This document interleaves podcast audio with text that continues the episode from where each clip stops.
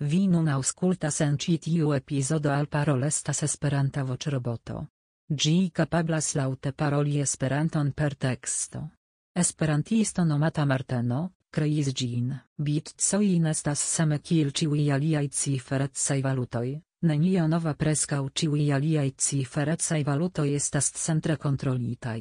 Ĉi tio signifas ke ili povas esti presitaj laŭ la subjektivaj kapricoj de la regiloj ili povas esti detruitaj atakante la centran punkton de kontrolo. Arbitraj reguloj povas esti truditaj al iliaj uzantoj fare de la regiloj estante malcentraliĝita, Bitcoin solvas ĉiujn ĉi tiujn problemojn. Bitmono ne solvas iujn ajn problemojn, kiujn fida valuto aŭ ne solvas male al oro. Bitmono estas, facila transloki facila securigi facila kontroli facile granuli. Male al fida valutoj, Bitmono estas, antau videbla kaj limigita en provizone kontrolita de centra autoritato kiel la usona federacia rezervo ne szuldbazita male al elektronikaj fiat valutaj sistemoj. Bitmono estas, eble anonima frostrezista pli rapide translokiĝi pli malmultekosta translokiĝi. Ĉi tiu epizodo estas por kontroli la parolroboton, kaj testi.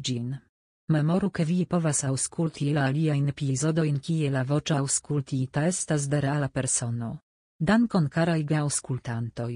Ne forgesu apogi la podcaston. Bitmon ok Esperanto. Ĝis la venonta epizodo.